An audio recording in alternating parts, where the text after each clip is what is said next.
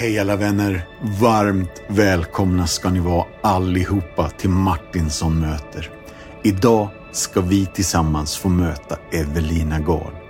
Denna skönsjungande sångerska, sångpedagog, körsångerska, låtskrivare, arrangör, uppskattade körledaren och med ett långt och gediget skivskapande bakom sig. Hon sjöng i ett hopprep till Melodifestivallåtarna långt innan det kallades för Mello. Hon spelade in sig själv och sina systrar till de där låtarna.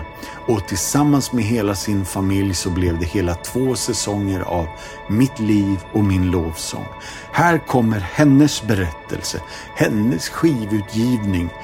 Hon är faktiskt en av dem som har körat bakom Céline Dion och också tagit sig till konserter i Frankrike och USA därför att det är ju så gött att lyssna på livemusik som är vacker. Nu är det dags. Vi säger varmt välkommen till Martinsson möter Evelina Gard.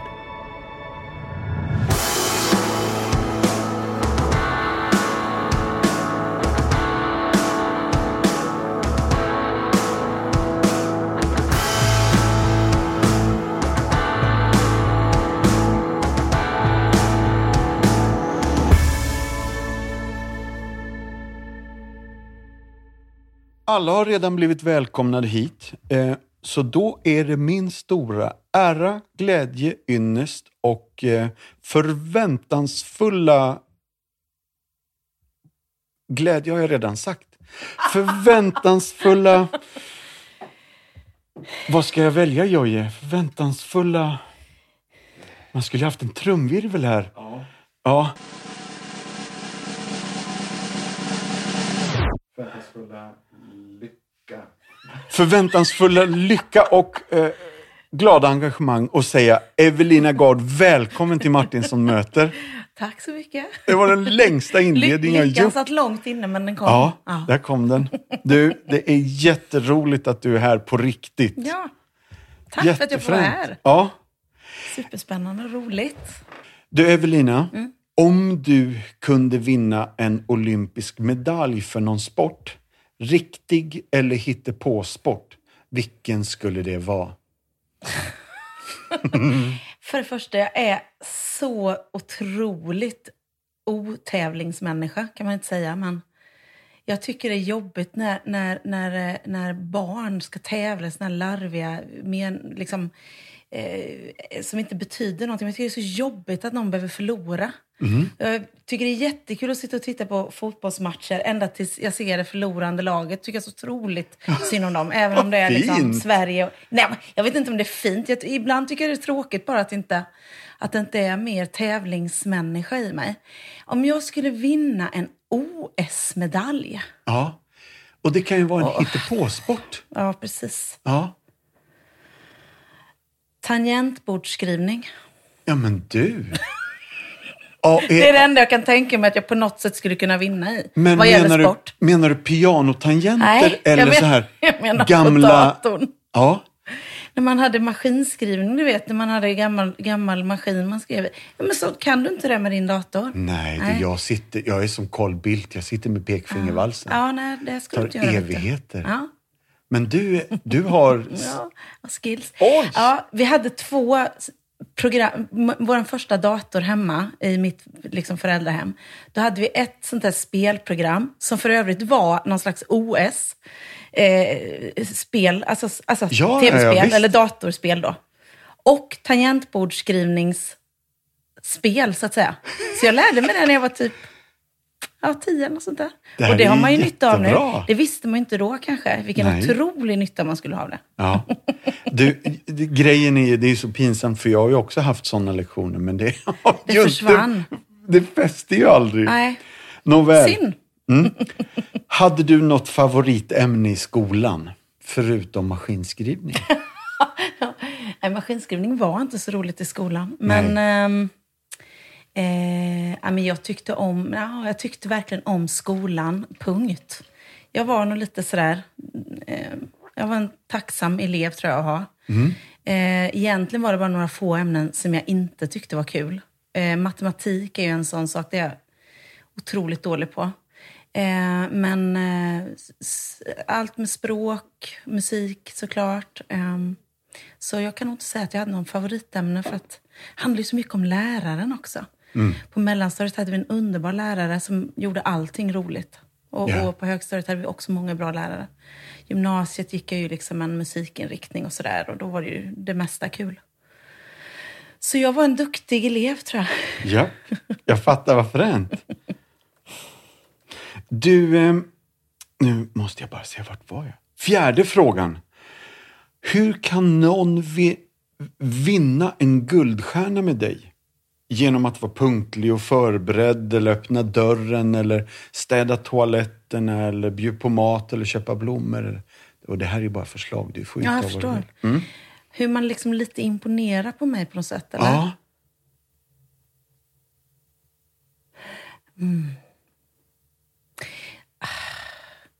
Jag måste nog säga att, att, att eh, för det första är jag rätt svårimponerad. Men eh, någonting som... Det är nog det, sånt som jag själv liksom är dålig på. Eh, jag kan vara dålig på till exempel att... Eh, eh, Ja, men det, det som du sa, så här, um, alltså den här med betjänande människor som, som är sådär, som inte har någon agenda och som bara gör saker för en utan att man liksom har bett om det. Jag vet inte om jag är dålig på det själv, men jag blir otroligt imponerad av sådana människor. Ja. Som inte... Ja, men små saker, liksom. Ska jag hämta en kaffe åt dig? Oh, ja, liksom. Ja, det är guldstjärna. ja, där de inte har någon riktig vinning Ja, för, utan de bara verkligen. gör det av kärlek. Och, och liksom. Sådana finns det ju många av, inte minst i kyrkor och sådär. Människor som är, har otrolig liksom, tjänande inställning. Det, det imponerar verkligen på mig. Coolt. Sista nu då. Om du kunde dela en lång trerätters middag med fyra individer, nu levande eller döda. Vilka skulle du då välja? Oj då. Eh. Eh, oh, jag tror det får bli ett... Det kanske får bli ett musik... En musikmiddag. Jag skulle verkligen vilja träffa Céline Dion. Eh, jag skulle vilja prata med henne. Hon är en, ja, en av mina största förebilder som sångerska och artist. Jag skulle vilja prata med henne om bara uthållighet, röstvård, sångteknik, uttryck. Hur hon kan jobba så otroligt mycket och hålla och... Eh, ja, massa saker är det jag skulle vilja prata med henne om. Eh, hon får sitta där då, vid mitt bord. Så det är fyra personer. Ja. Eh, Då skulle jag jättegärna vilja ha Kirk Franklin också vid mitt bord. yeah. Han skulle få eh, berätta lite hur han skriver musik. Jag skulle liksom vilja också sälja in mig själv till att få vara med och sjunga lite någon gång med dem. Jag kan bara stå lite bakom, men bara få vara med. Ja, men det måste ju funnits något piano här runt Jo, middagsbordet. precis. Det gör det ju. Ja, Så då sätter vi oss där och så sjunger vi lite och, Ja. och sådär. Och Celine får vara med lite också. japp. Jättesnällt. Nej men, ehm, nej men sen, oj nu byter jag helt spår här, men faktum är att jag skulle faktiskt vilja ha med min morfar. Min morfar Henning Lövström var ju, träffade jag nämligen aldrig. Nej. För han omkom i en bilolycka innan jag var född, när min mamma bara var, jag tror 23 eller 24, eller något sånt där. Och han var fjällmissionär. Eh, han han eh, pratade, predikade och åkte runt mycket bland samer och eh, nybyggare och så här uppe i, i Lappland där min mamma är ifrån då, och där min morfar och mormor bodde. Eh, det skulle vara otroligt spännande att få höra om hans äventyr. Och, Ja. liksom, och så här, vad tycker du om mig morfar? Tycker du, att, tycker du det är bra det jag gör? Och så här. Ja, jag skulle, skulle jättegärna vilja träffa honom faktiskt. Så om man fick ha med en som tyvärr inte lever längre, så, så min morfar då. Henning. Henning Lövström. Ja. Ehm, Celine, Kirk och Henning. Ja. Henning får ju liksom bara hänga på i det här när vi håller på att prata musik. Ja. Jag tror i och för sig att han var musikalisk. Mm. Ehm, Ska man ta med någon mer då? Eh, jag skulle tycka det var spännande. Ja, men man kanske ska ha med Oprah Winfrey då? Ja, Är inte det en bra person att ha med vid ett sånt här? ja men absolut. Hon kan prata lite med alla och hon kan intressera sig lite för morfar och göra någon liten intressant vinkel där. Ja. Hon är ju en otroligt beundransvärd kvinna. Jag tycker det är överhuvudtaget det här att hon har lyckats ehm, ta sig ifrån ja, men att som svart kvinna göra det hon gör och ha den impacten hon har. Ja. Ehm, tycker jag är otroligt, eh, otroligt beundransvärt. Eh, det skulle vara spännande att lära känna henne lite. Du, det här var en riktigt skön kombo alltså. Ja. 5 mars 1977, vad händer då? Då föds jag. Var någonstans? Lekeryd utanför Jönköping. Lekeryd. Ja, men du, det hörs ju att du är från Jönköping. Mm. Är det Eva Lovisa Evelina? Mm. Och det var Gard redan från början? Ja. Men Henning hette något annat? Mm. Både mamma och pappa hette något annat.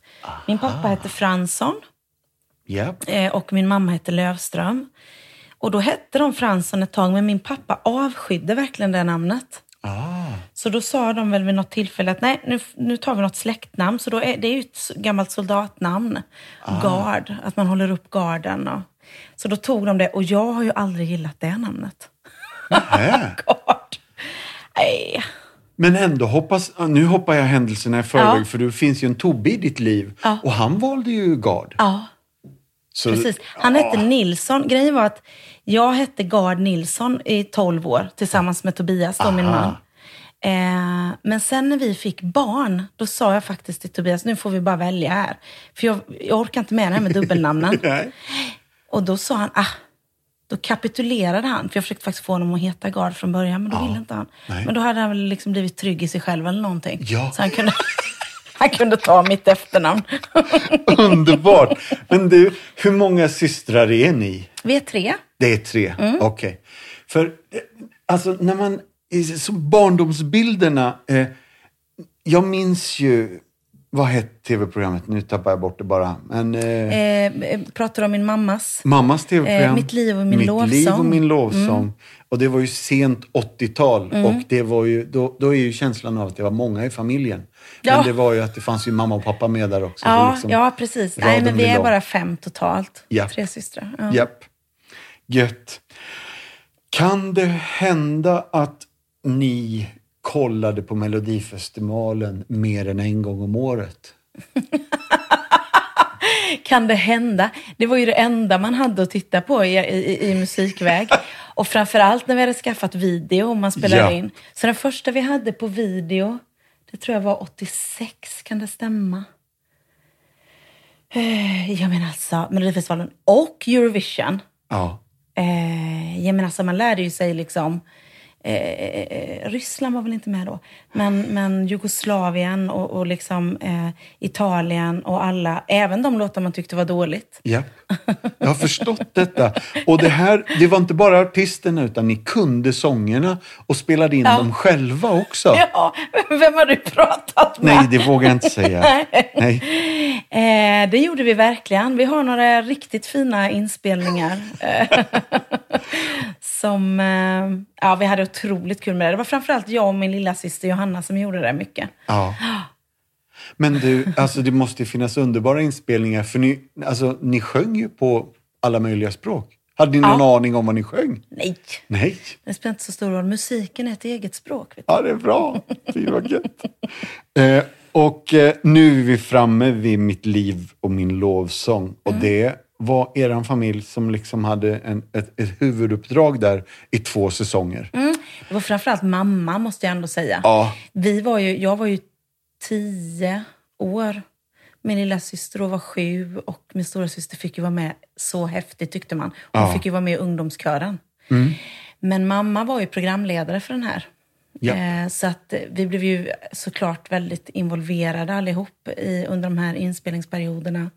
I, I det att vi bodde hos våra underbara barnvakter som vi brukade vara hos hela veckan. Och vi, eh, eller hela den här perioden då som de spelade in. Just det. Och eh, man sprang där bakom, eh, bakom kulisserna, höll jag på att säga. Det heter det inte, men det spelades ju in i Pingstkyrkan i Jönköping. Ja. Och bakom själva liksom, estraden så är det en korridor där och där hängde ju liksom de här artisterna som var med. Och det var nog liksom första, första gången som jag minns att jag liksom så här, för, för då var Urban Ringbäck var med, eh, Roland Utbult var med, eh, Märta Svensson. Ja, visst. Ja, men de här. Och man liksom var så här, wow, vad, vad häftigt liksom. Kommer jag ihåg att jag tyckte. Och tyckte ju liksom musiken var så bra och sådär.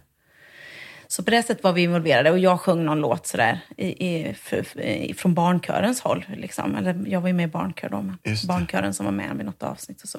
Men annars var det mamma som var stjärnan. Ja. ja. Men du, det, för det här är ju lite häftigt, för när du nämner de här namnen också Mm. så är det här artister som du har sjungit jättemycket med genom åren nu ju. Både på Mm. Deras Roland. Mm. skivor och turnéer och... Ja, du sa Jo. framförallt Roland. Ja, men precis. Roland Utbult. Ja, men vi, jag hängde med, det är många år sedan, första gången som jag liksom hängde med honom på, ehm, på ja, men, grejer han gör. Liksom han, det är nog nästan 20 år sedan tror jag, första gången som jag liksom... Ja, men det var ju verkligen så här, wow, får jag sjunga med Roland? Ja. Nu, nu är det ju inte så längre. Nej, jag skojar. Jo, jag har otrolig respekt för Roland. Ja. Eh, fantastisk låtskrivare, underbar människa. Ja. Ehm, ja, så honom har jag sjungit mycket med. Ja. Absolut. Fränt. Mm. Du, om jag säger 1992 och så säger jag jag tycker om dig. Vad, vad roligt att du tycker om mig. Ja, Ja, nej, du syftar ju på um, vår familjs... Nu ska vi se här om det var andra inspelningen eller tredje. Eh, en skiva vi Ja. gjorde. Ja. ja. Det är ju snart 30 år sedan. Ja, eh, precis. 30 år sedan. Det är helt otroligt, verkligen. Ehm, alltså den skivan kom ju, blev ju en frukt av att vi var ute och sjöng då. När mamma hade haft de här tv-programmen. Så då fick vi förfrågningar, eller rättare sagt hon fick förfrågningar om att komma ut och sjunga. Och pappa är pianist, så han var ju med och spelade. Och då säger mamma i alla fall att eh, jag var den som föreslog att vi skulle få vara med och sjunga också. Ehm, så då blev det så att vi ehm, hängde med. Och ibland var ju det jättekul och ibland när man liksom höll på att leka med någon kompis och pappa kom ut liksom och sa nu är det dags, nu ska vi åka iväg. Liksom. Då tyckte de inte det var så kul. Men det Ja, var ju en fantastisk eh, fostran och skola att få ta en liten publik, eh, stor, mycket folk och alla möjliga sammanhang och lära sig att stå på en scen och, och sådär från tidig ålder. Så att, eh, men just den skivan och att den hette Jag tycker om dig tyckte vi var otroligt pinsamt. Gött! Jättebra. Och det stämmer att det var 15-16 för att året därpå så började ju du på Per Brahe-gymnasiet. Ja, precis. 93 till 96. Ja. Och där gick du med många, bland annat med Carl-Johan Grimmark från Narnia. ja. Ja. Och sen tror jag också då... Underbara Kalle. Världens Ja. finaste människa verkligen. Ja, Och han var lika inne i sitt eh, eh, gitarrspel då som nu. ja. Ja Otrolig visst. Han var ju magisk från början. mm. Mm, verkligen. Otroligt häftigt. Och där fanns även Tobbe. Mm. Så Stämmer. hittade ni varandra där då? Vi träffades där, Ja. årskurs ett. Mm. Och ehm, ja, sen så, så ja, han var gitarrist. Jag startade min, min säger jag. Det blev min, tycker jag lite i alla fall i efterhand. Eh, första gospelkör där. Ja. Och han var gitarrist där. Ehm, Ah. Så, eh, ja, så det var, väcktes ju känslor från mitt håll först ska sägas. Så jag fick liksom jaga honom lite grann. Men, eh, Aha. men sen, sen hade jag honom som Ja. en liten ask. Ja. I slutet på tvåan blir det väl. Ja. Så bl- blev vi ihop och sen har vi hängt ihop sen dess. 97 gifte ni er. Ja. Du, alltså, du har redan... Nej, jag ska ställa frågan så här. Har du varit i Frankrike i huvudsak för att gå på konsert? Ja, E- enkom för att gå på konsert med, näm med nämnda Céline Dion. Ja. Och kan det ha hänt att det finns en annan nation man åker till för att man har hört att det finns konserter där också? Med ovan nämnda person? Ja, fast när jag var i Las Vegas och såg hennes show där, då var det faktiskt att jag var ändå i LA. Ja, ja, ja. Och det är ju Självklart. jättenära. Ja, visst. Det är vägg i Så då vägg. kan man lika gärna åka 40 mil Nästgårds. till, till Las Vegas Ja. eh, också. Ja, men alltså, den, den konserten i Paris, det måste jag också få försvara att jag åkte dit. För där gjorde hon ju sin franska repertoar. Det är inte Ja. alls samma sak som den engelska repertoaren. Detta förstår inte alla. Nej. Men jag förstår det. Ja. Och åkte därför till Paris och såg henne där. Ja. Och kan det ha varit när hon eh, liksom melodifestivalade för Frankrike som du föll för första gången eller? Det Mm. Stämmer. är så. Just det. Precis så var det. Coolt. Fast hon tävlade inte för Frankrike, utan hon tävlade faktiskt för Schweiz. Detta är Ja. också mycket viktigt. Ja, tack. Ursäkta.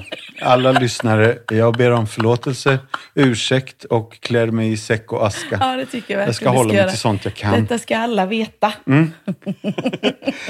1997 till 2001, Kungliga Musikhögskolan i Stockholm. Här byter du stad då. Precis. Eh, vi flyttade till Stockholm efter, eh, direkt efter gymnasiet där. Och ehm, ja, och jag, eh, vi gick ju där i fyra år eh, och, eh, tillsammans även där, då jag och min man. Så han utbildade sig till musiklärare och gitarrpedagog och jag till musiklärare och sångpedagog. Då. Ja, just det. Mm. Men han är ingen sån skomakare som har blivit vid sin läst, för nu är han pastor. Mm. Ja. Han, precis, alltså det blev... Det blev egentligen i och med att vi startade Hillsong, skulle jag säga. Som det blev tydligt för honom, tror jag, att, eh, att han ville liksom gå med den vägen med att bygga församling och, Ja. och sådär. Ja. Vad gött. Spännande. ja, verkligen. Men du, Mm. här har du mig igen. Ja! ja, jag var ju... Det, eh, alltså när det gäller låtskriveri eh, så kom inte jag igång med det förrän i, i eh, 20-årsåldern någon gång där. 22-23. Jag hade liksom någon uppfattning om, om att eh, alla, att, att det var en speciell musikalisk gåva tror jag. Att kunna skriva musik. Ja. Eh, sen började jag bara göra det. Jag minns liksom inte varför det blev så. Men, men, eh, men jag började skriva och märkte att nej, det är faktiskt ett hantverk bara som man ska lära sig. Eh, och då kändes det jättemycket lättare plötsligt. För att eh, då är det ju bara att göra. Liksom, Och jobba på det. Så den första singeln jag släppte var, var Här har du mig igen då, på svenska. En, en liksom poppig låt. Och, eh, och någon mer När du låt. ser på mig. Ja, precis. Just det. Ja. Och det här är ju intet för intet, för här blir du tilldelad Ted Gärdestad-stipendiet 2001. Ja. Det Jag är faktiskt otroligt stolt över. Ja. Ja, det ska du Jo, vara. men jag är jättestolt över det just för att jag verkligen precis hade börjat skriva musik och direkt får liksom en... eh, en eh, jag blir upp, liksom känner mig lite uppmuntrad och uppmärksammad i det. Verkligen. Men sen har jag inte fått så många fler.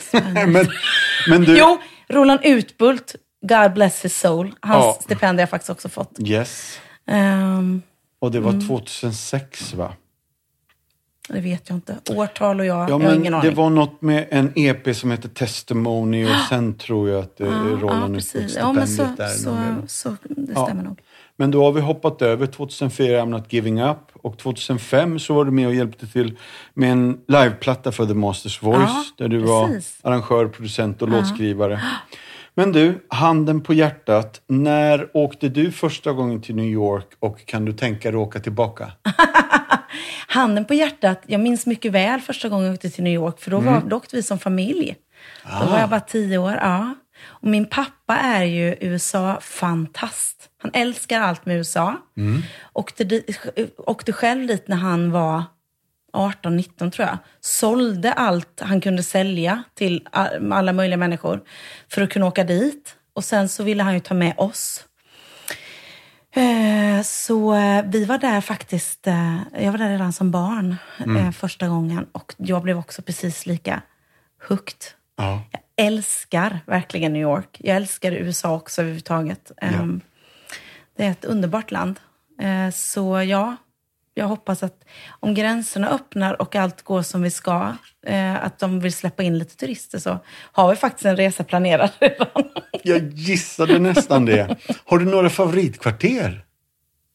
Eller någon favoritkyrka som du vill tipsa oss om? Oj! Hillsong. Ja, Hillsong New York finns ju. Eh, sen, eh, men jag minns ju första gången vi var i, ehm, eh, vad heter det nu då? Times Square Ja, Church. Exakt. Heter Ja. den Times Square Church? Ja, det heter den kanske. Ja, David Ja, Wilkerson den jobbar ja. Mm. För där var ju vi då när, eh, när vi var där första gången. Och där hade jag ju aldrig varit med om något liknande. Nej. En sån typ av gudstjänst. Man kommer liksom från, från Jönköping och, och ja, men hur vi är och, och sådär. Och det var liksom så olika, mycket olika kulturer och liksom musiken och predikan. Och vi hamnade ju långt bak liksom, i den där kyrkan. Men, men det var en otrolig upplevelse. Ja, det förstår jag. Så det, den älskar jag också. Sen har jag varit lite andra ställen också. Sådär. Mm. Eh, Brooklyn Tabernacle är också fantastiskt. Liksom. Just det. Ja, Med så det deras enorma kör, Ja. Brooklyn Tabernacle Choir. Otroligt häftigt.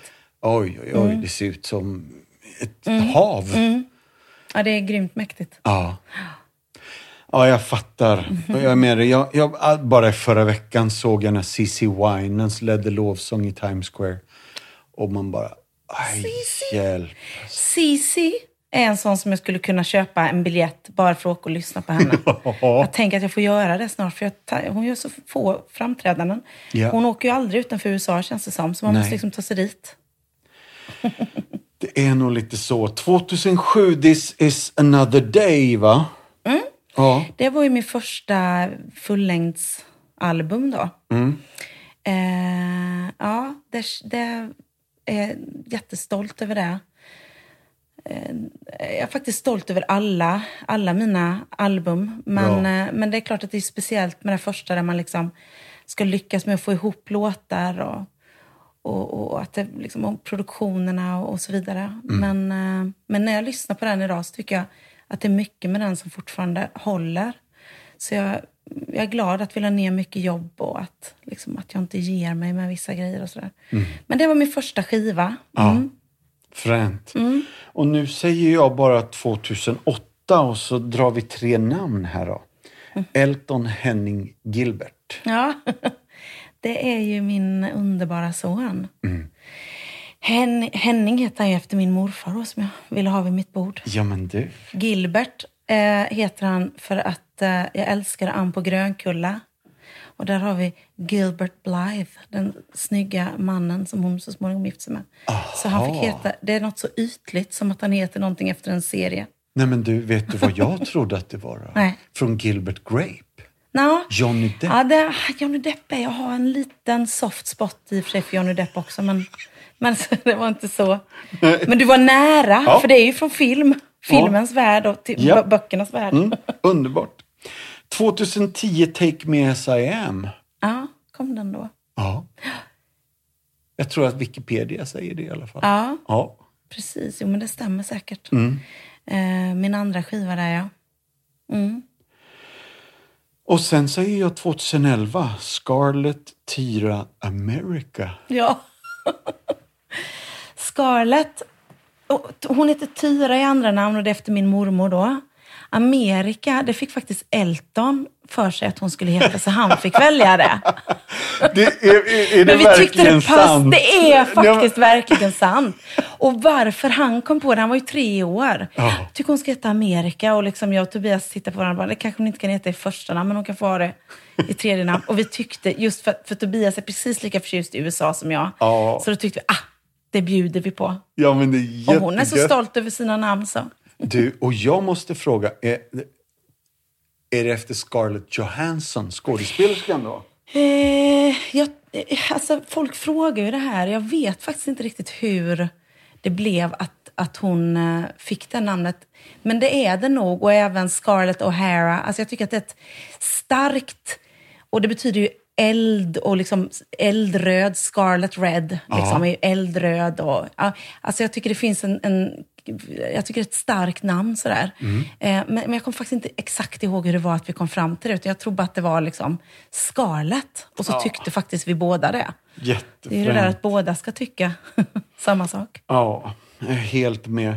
Du, nu kommer jag bara rasa igenom några datum, eh, eller årtal. Ja. Eh, 2013 så börjar Tim Putte och du gör körar och leder körerna.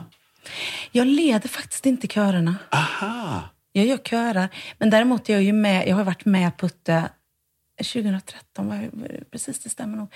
Jag tror för att vi började nog jobba lite smått redan innan det. Men, men Putte, eh, jag, har, jag har absolut lett eh, vissa eh, delar av det där. Och, och, ehm, men jag har ingen egen puttekör så att säga. Utan det, det får han faktiskt sköta själv. Ja. Men, eh, men jag gör ju alltid eh, material till deras eh, terminer så att säga och arrar upp och de får stämfiler och, och så vidare.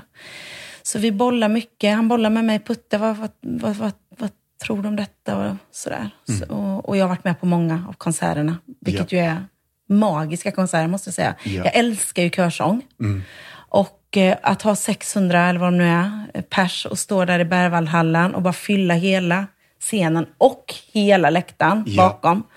Eh, det är, och, och att då få höra, det är ju mina arr också, så det är liksom, blir en extra, förutom att det är vackert med, med körsång eh, och, och mäktigt med körsång så, så är det roligt att få höra, ah, blev den så? Kul! Ja. När de har repat då en termin sådär. Så eh, Putte är en fantastisk människa som jag har haft eh, mycket att göra med och det är jag jätte, jättetacksam för. Ja, vad fränt.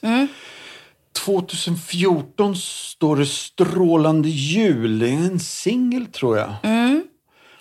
Precis. Alltså så här, under alla år, från det att jag var kanske 14-15 år, så, så har jag haft en förtjusning över att eh, över julmusik och att göra egna versioner av liksom kända jullåtar och sådär. Ehm, jag minns att jag redan, ja det var i, i sjuan kanske då på, på högstadiet, hade gjort någon liksom lite häftig version av White Christmas. Som jag liksom hade arrat lite då på något sätt. Ehm, och då, någon gång där så, så började jag väl tänka att jag kanske ska göra en julskiva.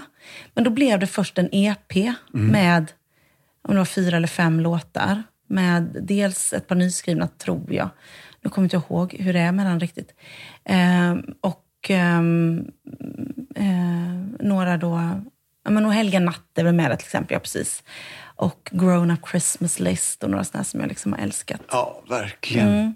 Fantastiska. Så, så det var ju, det var ju, var det 2018? Nej, sen 2018 så gjorde jag en hel julskiva. Story of Christmas. Ja, The Story of Christmas. Just det. Just det. Och då, ehm, då tog jag med, då, då siktade jag in mig lite mer på att, att göra någonting av våra liksom älskade salmer, några av de här svenska salmerna, för de görs ju absolut ehm, att svenska artister har spelat in, liksom, kanske Bereda en väg för herren och sådär, herran och sådär. Men eh, jag, jag gör ju lite mer kanske åt liksom, gospelhållet då, och körar och sådär. Så att um, där tyckte jag att det fanns ändå, för annars kan man ju tycka julmusik, punkt, punkt, punkt. Det finns ju och räcker och blir över. Men, eh, men jag tyckte att det fanns en litet hål att fylla i alla fall med just när det gäller ehm, ja, men Gå Sion din konung att möta är ju med och Bereda en väg för Herran. Och, och, så, och, och ganska många nyskrivna också, då, både på svenska och engelska. Och, sådär. och det visade ju sig att det absolut var människor som tyckte att det var roligt att, att få lite sådana Ja, men verkligen. Eh, och julsång, jag fattar vad du menar med att Mm. det finns för mycket julsång, men vår julskinka har rymt. Har, har vi...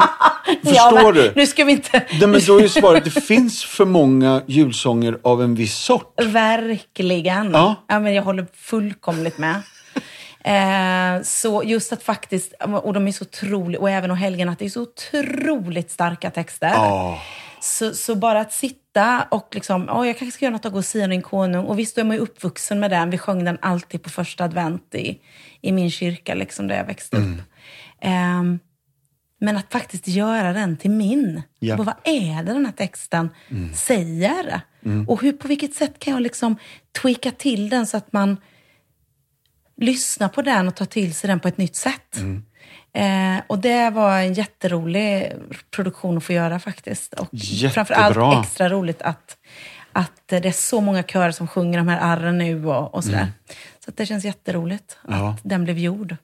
Det förstår jag. Här är ett jätteviktigt arbete. Inte bara att hålla liv i en sångskatt utan Nej, förmedla tro till massor av människor som gillar att gå på en julkonsert och helt plötsligt hamnar de där ni är. Och då är det ingen julskinka som har rymt. Nej, inte så många. Nej, bra. Tack. Eh, här någonstans i veven är vi framme vid 2015 och då står frys, Fryshuset och sångpedagog där. Jaha. Ja, Ja, men det började jag redan med 2001. Så undrar om inte jag det är så att jag slutade faktiskt där på Fryshuset då. Aha. Så att det, ja, direkt efter Musikhögskolan så började jag och jag jobbade faktiskt 14 år där. Ja, Från men du- 2001 till 2015. tjenare vilka dåliga papper jag har. Nej, det vet Ah. inte om de var så dåliga. Men de, Fryshuset fanns ju med i alla fall. Och det är en, en, ehm, en lång period av mitt liv när jag jobbade, jobbade på... Det är ju en eh, vanlig eh, estetiska, estetiska programmet helt enkelt. Det som jag harvade på med olika, en del superbegåvade verkligen. Och eh, sångare som är artister idag. Och eh, ja, det har varit en, det var en otroligt rolig period. Ja. Jag fattar. Ehm, sen finns det en gospelmässa skriven utifrån Svenska kyrkans mässordning. Som skiljer sig lite från de tidigare plattorna, har ett tydligt tema. Texter svenska och engelska. Ehm, Berätta lite. Take me to the cross. ja. Den eh, idén kom eh, en körkollega, körledarkollega med kan man väl säga. Mia Sandell heter hon. Och hon ledde ju Masters Voice eh, också, så vi jobbade lite med det när vi, när vi var gjorde den skivan med, med Masters Voice. Men, eh, och då sa hon, eh, Eve, som alla som känner mig säger till mig, eh, jag tycker du ska göra en gospelmässa. Eh, jag är uppvuxen inom frikyrkan och var tvungen att läsa mig till faktiskt lite grann vad en mässa är. Ehm, och vilka delar den innehåller. Och, och jag kände direkt, det här är ju... Jag tycker om att jobba när jag har en tydligt projekt. Eh, och ett tydligt tema. Det blir liksom, jag, är, jag är bra på det tror jag. Att liksom bara så här, jag är en arbetshäst liksom. Då kan jag bara, ja, då sätter vi oss och så gör vi. Ja. Eh, eh, det ska vara en sång om korset. Det ska vara... Eh, eh, Och nu, nu är det vår, och det ska vara- Gloria och Kyrie och, och, och alla de här Ja, delarna precis, på något precis. sätt. Ja. Eh, vilket ju var jätteroligt faktiskt. Och, och eh, det blev väldigt bra. Det är ju en, en det är körmusik först och främst. Ja. Och den skivan, ja, den tror jag kom väl där, vad sa du, 2016, 2015? Ja, något sånt. 15 står det ja, här i alla fall. säkert. Ehm, och den öppnade ju upp för, jag sa till dig innan vi började här, att jag, jag har ju rört mig mycket inom Svenska kyrkan också. Och det är faktiskt på grund av den Ja, skivan. jag För förstår. att där, eh, jag tror att det, ja, det blir väldigt tydligt liksom att i, idag på vår mässa, då är det kör. Ja. Vi kommer ta oss igenom alla de här delarna på, genom musiken. Liksom. Mm. Ehm, så att ehm, då, då kanske det är så att kören då har repat under några månader och så kommer jag dit och så gör vi mässan ihop. Eh, en söndag förmiddag. Eh, och det har varit eh, otroligt häftigt att få höra alla dessa olika körer på hög nivå, jag ska inte säga på låg nivå, men kanske mer nybörjarnivå. Ehm, och, eh, och hur de här sångerna låter ändå så olika från Ja. plats till plats när man kommer. Det, det har säkert du också varit med om, med, med hur, hur sånger används, liksom sånger man har skrivit kan låta så olika och bli så olika beroende på vad det är för sammanhang och vad det är för människor som framför dem och sådär. Så det är ju en enorm välsignelse att få höra. Mycket spännande, jag fattar. Eh, nu ska jag bara säga två ord och så tror jag att du kan eh, berätta lite för oss. Aha. Broken Hearted Stockholm. Ja, då tänker jag att jag direkt kan knyta an till Erikshjälpen. Och ehm, det här projektet som vi gjorde, det var tillsammans med David Media väl och Dagen tror jag.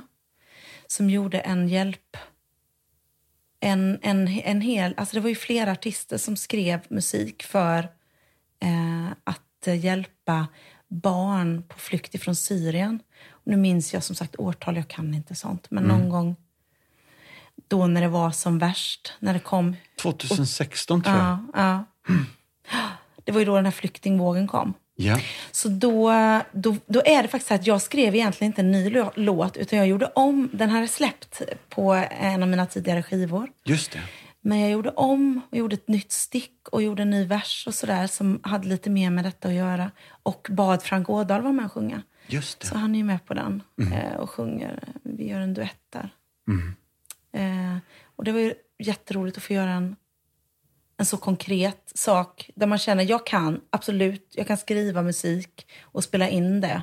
Och så, får det här, och så blir det mitt bidrag liksom till den här katastrofen som det var och fortfarande är, är i, i många av de här länderna. Liksom. Ja. Så eh, ja, det är jag stolt över. Verkligen. Det ska det vara. Eh, Och vi har redan nämnt Story of Christmas för den hör liksom ihop med strålande julplattorna och det där. Så nu tror jag att jag är någonstans vid 2019 och det här finns nog inte på din hemsida men jag tror att du är en utav huvudförfattarna till en barn och tonårs ungdomslovsångsskiva. Ja, Ja, Det stämmer. Ehm, ehm, det är ju en sån där, jag blev tillfrågad, men, men fråga mig inte för mycket om detaljerna kring detta. Eh, för att jag fick frågan av Pelle Ankarberg som ju är producent för, för det är det du tänker på tror jag. ja.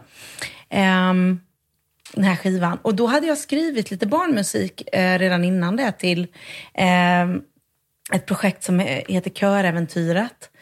Ehm, och eh, jag tänkte, ja, alltså på något sätt, det finns någonting, något lite käckt i mig verkar det som, som kan få fram lite mer barnsliga toner. Men samtidigt så är det ju också, har jag ju märkt att som ung, om man tänker min dotter som är 10 nu, 10, 11, 12, 13, 14, där vill man ha ändå liksom eh, musik som tilltalar en, som inte är för barnsligt och sådär, men att det är texter som man kan relatera till. Ja. Så att jag försökte utifrån bästa förmåga att, att eh, skriva lite texter och, och melodier och sådär. Och sen så tog Pelle Ankarberg hand om det.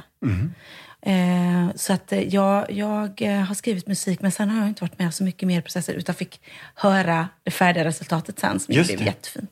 Ja, ja otroligt fränt.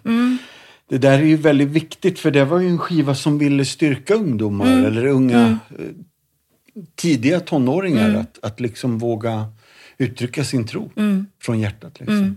Oerhört fint. Mm, verkligen. Du, nu är vi snart framme vid, vid där vi är nu, men Mm. Blott en dag var en singel förra året. Eh, I Jesu armar, duetten med Roland Mm. Utbult, var väldigt viktig för många av oss förra året också. Mm. Sånger som kommer till tröst i en tid då vi verkligen behöver Mm. det. Och när jag skulle stå och lägga sång på I Jesu armar så eh, mässade jag med Carl Utbult som är Rolands son. Då hade han precis åkt in akut för han fick ju covid. Ja. Och då hängde hans eh, liv lite på en skör tråd. Eh, precis när jag står där och ska börja lägga sång på det där. Så det blev liksom en dubbel bön om du förstår vad jag menar. Ja. Ehm, att ehm, ja, men det, blev, det blev väldigt verkligt på något sätt att Gud, vi kan bara vända oss till dig nu. Eh, Hjälp! Roland. Ehm, och tack och lov så gick det ju bra. Ja. Eh, Men det var otäckt där eh, under, ett, under ett tag. Och jag är jätte, jätteglad att vi kunde göra den här låten ihop och sådär. Ehm, så, eh, men precis, och Blott en dag den, den kom där precis mitt under detta. Och det var faktiskt den helgen när, när allt stängdes ner i Sverige. Ja. När det blev, vi gick till det här från från att liksom, ah, det, vad är det här viruset för något? Till att bara, okej, vi måste liksom... ehm, jag tror det var väl 500 först eh, som det blev då, eller 300. Då var jag på en gudstjänst i, i, i en kyrka där eh, kantorn då tog upp blott en dag. Och jag bara stod och grät. Japp. Ja, och, och, och återigen det här med att fånga upp liksom texter som man har hört. Jag menar, jag kan ju blott en dag utan och innan. Sen, liksom, den är jag ju uppvuxen med. Eh, men att, att sjunga den igen när det faktiskt är... Vi kan bara ta ett ögonblick i sänder nu. som det har varit under hela den här pandemin. Det blir ju så otroligt levande plötsligt för en. Liksom. Eh, och, och, eh, så eh, efter den gudstjänsten gick jag hem och satte mig och gjorde ett arr då på den. Och så spelade vi in det senare. hösten Väldigt vackert och Ja. viktigt. Tack. Det har ju kommit fler sånger i samma linje. För bara för några månader sedan tror jag så kom det Det stod en blomma. Mm. Jättehärligt. Och då är mamma och syrran med va? Ja. Eh, min eh, man Tobias säger eh, lite skämtsamt att det är the reunion. Men eh, det vägrar jag gå med på. Ja. Pappa är faktiskt också med och spelar lite dragspel. Underbart. Så nästan hela familjen är med. Det är min stora syster som inte sjunger så mycket längre. Som, hon fick inte vara med helt enkelt. nej då. Nej, jag tror inte hon vill vara med heller. Eh, ja, nej men precis. Det är ju faktiskt så att under hösten här nu som kommer så kommer det en hel skiva i, sam, i den här andan. Ja. Ehm, och då kommer det eh, vara sex låtar som är gamla låtar som jag liksom har vuxit upp med. Inte bara salmer men, men till viss del eh, salmer men också sånger. Någon 70-80-tals grej och sådär. Och, och eh, tillsammans med sex helt nyskrivna låtar. Då. Mycket kör eh, men också en del solo, liksom, solosång. Ja. Sådär. Ehm, så det är en liten försmak. De här tre, Blott en dag och Det stod en blomma och eh, en nyskriven låt som jag släppte också samtidigt som Det stod en blomma som heter då Närmare Gud till dig. Det Just är inte det. närmare Gud till dig utan det är Den bara, gamla, har fångat den- upp den Ja. frasen bara. Mm. Och du, det är faktiskt där jag är nu. Mm. För jag, eh, jag gissar att du kan den själv. Mm. Men, eh, Ja, det vet man aldrig. jag... Jag har fått jättesvårt med texter på äldre dagar. Ja. man tror man kan det men sen så visar det sig, nej, jag har inte fått in den i min fulla hjärna. Ja. När vi ser på vår värld, vi och de där och här. Tal om våld, bråk och död. Ett vårt rop, en vår bön. Närmare Gud till dig. Gränser dras, åk tillbaks, hjärtan stängs, låt oss vara. Sjukdom och svält, krig och nöd. Ett vårt rop, en vår bön. Närmare Gud till dig. Vi ska ju alldeles strax avsluta det här programmet. Men det här leder ju fram till nästan Compassions hjärtefråga känner jag. Eh, och där du liksom uttrycker den här stora hjärt våran hjärtefråga på ett sätt, i bara några få ord och kan hjälpa oss att sätta toner till det här. då. Ehm, om jag gör en liten bara presentation av vart Compassion är just nu så tror jag inte att det är någon som blir förvånad att vi i tanken är väldigt mycket på Haiti. Ehm, jag blev lite förvånad när jag såg nyheterna i helgen. Ehm, vi förfasas så lätt över vad som händer här och vad som händer där. Och ibland upplever det som att vi, vi glömmer bort att vi kan hålla flera bollar i luften samtidigt. Ehm, Haitis president heter Ariel Henry och han säger att landet går på knäna efter lördagen, var det den 14 augusti, så var det ett jordskalv på 7,2. Eh, och jag tyckte inte att svensk media gav så mycket information om det här. Och sen kom, eh, vad heter det, stormen Grace. Mm. Mycket märkligt namn på en storm för mm. övrigt. Det är inte så mycket nåd i den. Nej. Eh, och då får ju vi rapporter ifrån Haiti och från våra fadderbarn. Jag tror att vi har kanske 17 eller 18 000 fadderbarn. Mm. Vi jobbar där med 354 kyrkor. Eh, och eh, CNNs rapport, och det, när det här sänds nu, det här programmet som vi spelar in sänds, så är ju siffrorna gamla, men då är det ju 2200 döda enligt CNN. Mm. Eh, så jag, jag vill he, helt enkelt istället för att göra en vanlig pitch säga att Sverige, vi måste hjälpas åt. Eh, nöden i vår värld eh, tar inte ledigt. Nöden i vår värld har inte en måndag då man bara kan softa lite. Så, nu säger jag måndag eftersom jag är pastor. Alla andra är lediga lördag och söndag. Men, ja. Så vi behöver hjälpas åt eh, och ständigt påminna oss om att, eh, att leva som kristen eh, förpliktigar, men också att leva som medmänniska mm. förpliktigar. Mm. Jag skulle vilja att ni alla chippar in Även om ni tänker att Nej, men jag har ju redan fadderbarn eller jag hjälper ju till på andra ställen. Det är jättebra. Fortsätt med det. Men här kommer vårat swishnummer och just nu eh, är det en katastrofhjälp som går till eh, Haiti. Och du kan swisha till 936 41. 936 41 och jag skulle gärna vilja att du märker din gåva med katastrofhjälp. Compassion är ju helt enkelt eh, i första hand en fadderbarnsorganisation men nu när det är kris på Haiti så är det självklart att vi hjälper till där. Compassion har funnits i snart 70 år och startades av en evangelist som hette Everett Swanson när han var i Sydkorea och såg misären där. Compassion tar hand om 2,1 miljoner, och nu ska jag ändra igen. Inte tar hand om 2,1 miljoner, utan vi hjälper 2,1 miljoner barn att utvecklas och växa och frodas och utbildas och faktiskt få en, eh, ett riktigt liv. Och blir du fadder i Compassion så är det inte bara så att pengarna går rakt in i en pott, utan du blir fadder en till en. Så du kan ha direktkontakt med ditt fadderbarn om du vill. Och vårt uppdrag det hittar du i Bibeln, i Markus evangeliet kapitel 16 och vers 15. Gå ut i hela världen och predika evangelium för hela skapelsen. Så, som svar på missionsbefallningen existerar alltså vi. Vi är en förespråkare för barn i nöd för att frigöra dem från andlig, ekonomisk, social och fysisk fattigdom. Och vi vill frimodigt vädja till dig som lyssnar.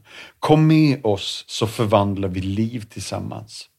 Du kan bli fadder för 310 kronor i månaden och du gör det enklast genom att gå in på vår hemsida compassion.se.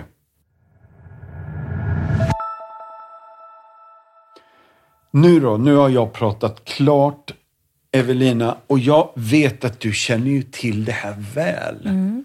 Du har jobbat både med Compassion och med andra fadderorganisationer. Mm. Om jag då ställer den här lilla frågan till dig, hur ska vi utrota fattigdomen i världen? Ja. Ja, men det som är så fantastiskt tycker jag just med eh, compassion är ju det här relationsbyggande. Jag, jag, tror liksom att hur ska vi utrota fattigdom? Hur ska vi utrota rasism? Allt det där ligger ju under samma paraply. För att ja. det, det, alltså så fort man får en relation ja. till någon. Eh, mina föräldrar var ju, var ju faktiskt några år i eh, Etiopien eh, och, som missionärer. Mm.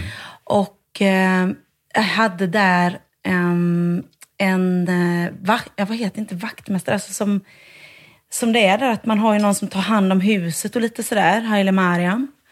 Han var ju då ganska ung. Eh, när de flyttade hem därifrån så bestämde de att vi ska ta oss an Haile Mariam så att han tillsammans med sin familj och framförallt hans barn ska kunna ha en framtid. Mm. Så att inte han blir lämnad Ehm, eh, åt sitt öde. Vilket har gjort, och det här är ju 20 år sedan som det, mina föräldrar började med det. Eh, men eh, sen har vi hjälpt till också, vi, vi döttrar. Och det det, det det har lett till är ju att han har kunnat bygga ett hus. Han har kunnat låta sina barn, även om han inte kunde få det, så kan hans barn få en utbildning till exempel. Yeah. Hans båda döt döttrar. Och jag tänker att um, man behöver inte lära känna sina fadderbarn kanske, men just det att man har en Alltså, det, är inte ett krav att man, att man måste liksom... Eh, det är svårt kanske att känna att oh, jag måste skapa relationer med alla fattiga människor på hela jorden. Det är inte det jag menar. Men, men så fort det får komma lite nära och man ser det här är en människa precis som jag. Yeah. Det är då man kan öppna hjärtat tror jag, så man liksom blir mjukare och min, mindre självupptagen mm. och mer eh, benägen att kunna eh, se andras behov före sina egna. Eh, så att, långt svar på din fråga, men att utrota fattigdom, jag tror verkligen att det, eh, att det är otroligt mycket relationer och eh, att få se människa till människa helt enkelt. Yeah. Att det inte är ett fenomen som berör dem där borta, utan eh, det är, det är nära oss. Liksom. Det är mycket närmare än vad vi tror. Det är en, en, en, en relation bort. Liksom. Mm. Uh, ja. Det är jättebra tror jag. Jag tror att det här är någon av de viktigaste poängerna. För att när jag ställer den stora frågan så blir den ju också helt överväldigande. Mm, exakt. Eh, och, och, nu har du liksom kokat ner till mm. att nej men en till en. Mm, en till en. Ja. Jag tror jättemycket på det. Ja. Um, och det är ju så, det gör ju compassion väldigt enkelt ja. för eh, oss faddrar. Att man faktiskt eh, får kontakt med och ser hur det gör skillnad i, i barnens liv. Just så det är ju ett fantastiskt sätt mm. att få på ett konkret sätt hjälpa en annan människa. Yes. Mm. Åh, tack snälla.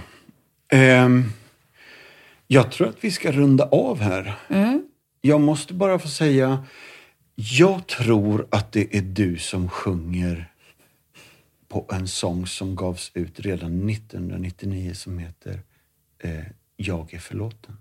Ja! Och vad underbart att du tar upp den. Eh, exakt. Den sjunger jag och eh, jag undrar om det är Niklas Hallman då som sjunger också på den. Jag kommer inte ihåg just den låten. Det är en sån där låt som faktiskt dyker upp då och då. Jajamän. Som de som nu är vuxna, men då var barn och tonåringar kanske lyssnade på. Mm. Åh, jag älskade den sången. Det är Niklas Hallman som har skrivit den. Den eh. heter Spikarnas lovsång ja, kanske? Ja, det heter den. Precis. Så är det. Det har du rätt i. Vi brukar skratta åt, åt, åt eh, inspel, den inspelningen, för att då var det nämligen så att eh, Tobias, min man, som ju egentligen, han sjunger bra, mm. men verkligen inget speciellt. Och Samuel Ljungblad är ja. tenorer på den ja. skivan. det tycker Tobias är lite fjäder i hatten tror jag. Att ja. han har fått, det var han och Samuel som, ja. som la. det ska han ju ha också, Tobbe. Ja, nej men eh, de där skivorna är underbara. Det var väldigt, väldigt roligt att få vara med och spela ja. in dem. Och att det har fått betyda så mycket. Och fortfarande 22 år senare mm. en riktigt viktig och sann låt. Mm, alltså. Verkligen. Mm. Otroligt stark låt. Mm. Häftigt. Mm. Du, Tack snälla Evelina för att du kom till Martinsson möter idag. Tack för att jag fick komma. Men tack också för all musik genom åren, all input du har gett till kyrkor och körer och lovsångsteam och ungdomsgrupper och alla de här skivorna som har berikat vår kyrka genom åren. Tack. Och allt gott med den här plattan som mm. kommer nu i höst då. Vet vi när den kommer eller? Jag har en eh, förhoppning om slutet av oktober. Kanske att det blir början av november. Men ja. någonstans där. Ja. Bra, bra, bra. Mm. Alla håller utkik. Tack ja. snälla för idag du. Tack så mm. hemskt mycket för att jag fick komma. Mm. Slut för idag och tack för idag allihopa. Vill du veta mer om det som har pratats om i podden så har vi något på vår hemsida som heter Show Notes. Där kan du se alla länkar till sånt vi pratar om när vi refererar till en film eller en bok eller en sång. Då finns de länkarna där, så gå in på compassion.se så hittar du helt enkelt massa extra material. Tack, ha det bra, bye bye, hej då!